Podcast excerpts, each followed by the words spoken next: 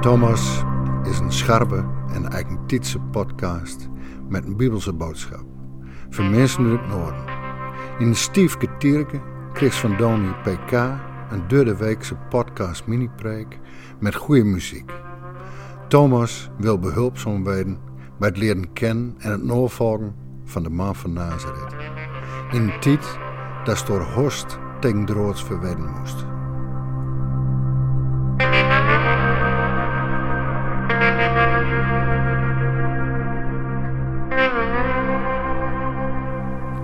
Op 17 juli 2014 stortte in de Oekraïne de MH17 neer nadat het toestel was geraakt door een luchtdoelraket. Hierdoor kwamen alle 300 inzittenden om het leven. Het was een ramp met een enorme impact op ons land, want 190 van de inzittenden hadden de Nederlandse nationaliteit. Vol ongeloof en in verdriet huilde Nederland mee met de nabestaanden.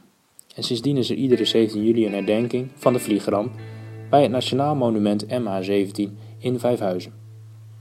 Bij de laatste herdenking sprak minister-president Mark Rutte in een videoboodschap over blijvende verbondenheid met de slachtoffers en de nabestaanden en van een ramp die voelt als de dag van gisteren.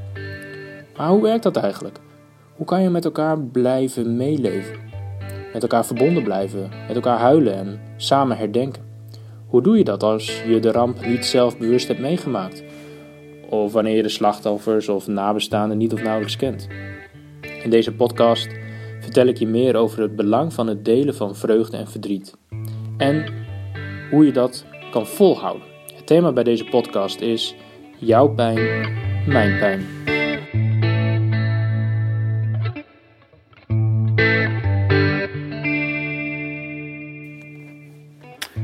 Net zoals met je lichaam, dat is één. Toch het heel wat leden. Maar alle veel dat er ook binnen, is met toch maar één lichaam. Zo is het ook met de Christus. Wie ben je allemaal bij ons deup, door één geest in één lichaam onderbracht.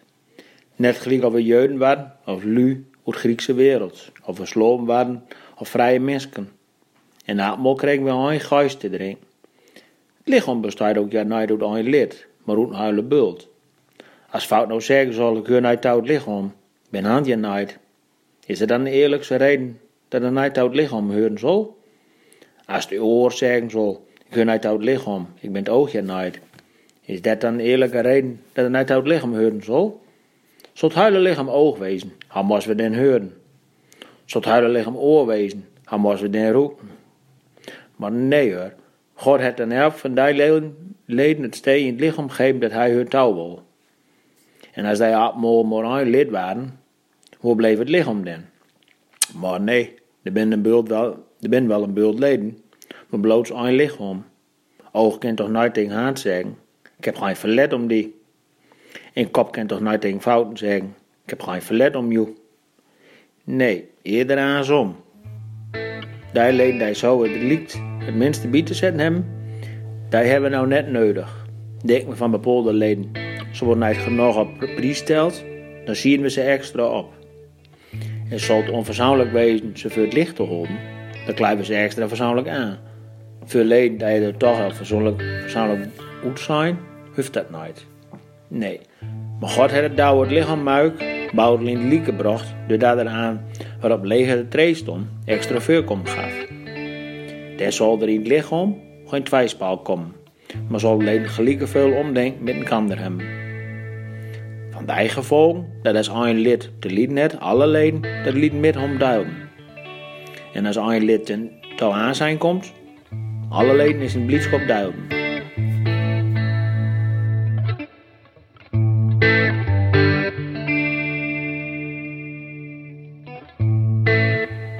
Ooit was Paulus, de schrijver van de zojuist gelezen tekst, op weg van Jeruzalem naar Damascus.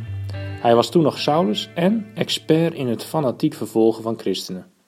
Totdat hij een verblindend licht zag en de stem van Jezus hoorde: Saul, Saul, waarom vervolg je mij? Daar op die stoffige en snikhete weg ontdekte Paulus dat de gemeente Jezus Christus zelf is. Want hij vervolgde zijn leerlingen, maar Jezus zei: Waarom vervolg je mij? Wie aan hen komt, komt aan mij. Zoiets. Wanneer Paulus de gemeente vergelijkt met een lichaam, heeft hij dat dus niet van een vreemde. Door samen één lichaam te zijn en God de naaste en de schepping lief te hebben, vertegenwoordigt de kerk Jezus van Nazareth op aarde, God zelf. Jouw binnen de handen, niet veroordelende maar liefdevolle blik, jouw hulpvaardigheid is die van Christus zelf. Zo kan God via jou en mij dicht bij mensen komen. Ja, dat is natuurlijk een heel mooi beeld, maar ook wel heftig. Want Jezus waste dienstbaar de voeten van zijn leerlingen en gaf zijn lichaam over in de dood voor zijn vrienden.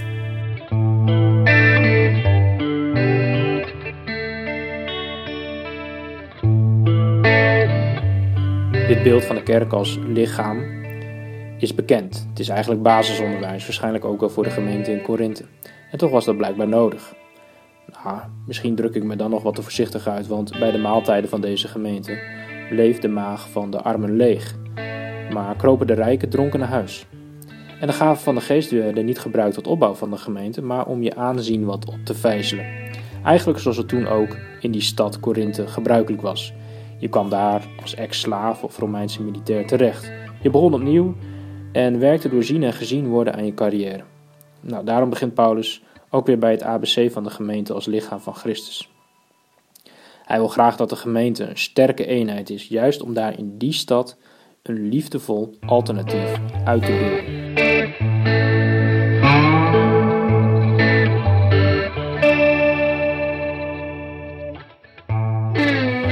Nou, hoe werkt dat eigenlijk, de gemeente als lichaam van Christus? Nou, het begint met jouw geloof in Jezus Christus. Hij is Heer. Hij is het hart van het lichaam. En dat geloof in Jezus ontvang je door het werk van de Heilige Geest. Hij is de bloedsomloop van het lichaam. Het geloof is iets waar je om kan vragen, maar verder is het vooral iets wat je overkomt. Je wordt onderdeel gemaakt van het lichaam. Door de doop word je een lichaamsdeel van dat ene lichaam. En alle lichaamsdelen hebben elkaar nodig, hoe verschillend ze ook zijn. Ieder onderdeel is even waardevol en noodzakelijk. De grote teen kan niet zonder de oren en de neus kan niet zonder de pink. Zelfs wanneer je jezelf geen onderdeel van het lichaam voelt, hoor je er volgens Paulus toch bij. Ook de minder zichtbare en zwakke gedeeltes zijn heel waardevol. En dat kun je ook zien aan de waardevolle kleding waarmee ze bedekt zijn. Maar let dan op wat Paulus schrijft in vers 26, de uiterste consequentie van één lichaam zijn. Wanneer één dit leidt, leiden alle leden mee.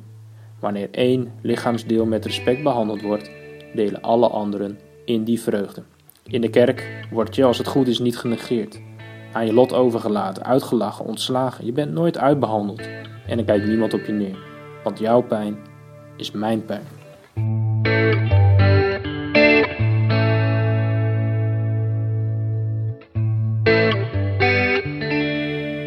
Maar hoe doe je dat? Hoe kan je met elkaar meeleven en hoe houd je dat vol?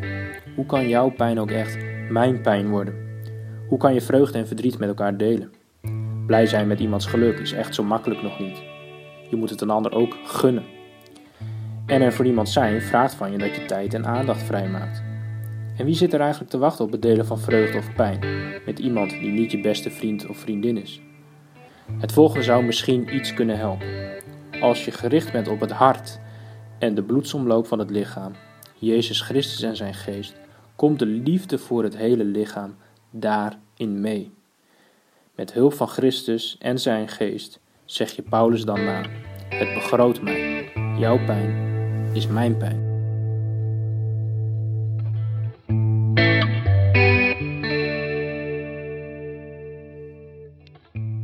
Dit beeld van de kerk als lichaam kan je helpen om anders te leren kijken naar verschillen in een relatie en in de kerk. Verschillen zijn naast storend, lastig en vermoeiend ook onmisbaar en behulpzaam. Vermoed dat ze je helpen voorkomen dat je denkbeelden niet doorschieten richting complotdenken of extreem links of rechts. Het beeld kan je ook helpen opnieuw te ontdekken welke plek je in het geheel hebt. Wanneer je door ziekte of ouderdom niet meer die actieve hand van de gemeente of de familie bent. Het kan pijnlijk zijn wanneer dat wegvalt, maar misschien is de vacature van luisterend oor nog beschikbaar. Dit beeld kan je ook helpen als jongere die nadenkt over wat de kerk of het geloof nog voor je kan betekenen. Geloof is iets wat je overkomt. Je kunt het niet forceren. Neem rustig de tijd om in je eigen tempo antwoord te krijgen op die vraag. En vergeet niet, ook als je het zelf niet zo goed weet, blijf je juist een waardevol en belangrijk onderdeel van dat grotere, zinvolle geheel, het lichaam van Jezus Christus. Juist met je vragen en twijfels kun je een belangrijk corrigerend element zijn in het lichaam van Christus en daarmee Gods aanwezigheid in jouw omgeving. Heel misschien wel door de halleluja-gekjes in de gemeente wat gezond tegenwicht te bieden.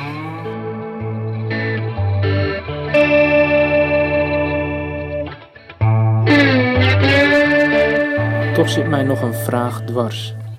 Ik snap eigenlijk niet waarom christenen wereldwijd het lichaam van Christus mogen zijn. Waarom heeft God daarvoor gekozen? Ik bedoel, kijk naar dat hele gebeuren in Staphorst. De vele soorten kerken die hier zijn.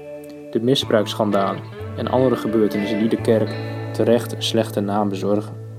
Als ik God was, zou ik mij niet door mensen laten vertegenwoordigen. Ik snap er eigenlijk niks van. Dat God via mij aanwezig wil zijn in het leven van een ander.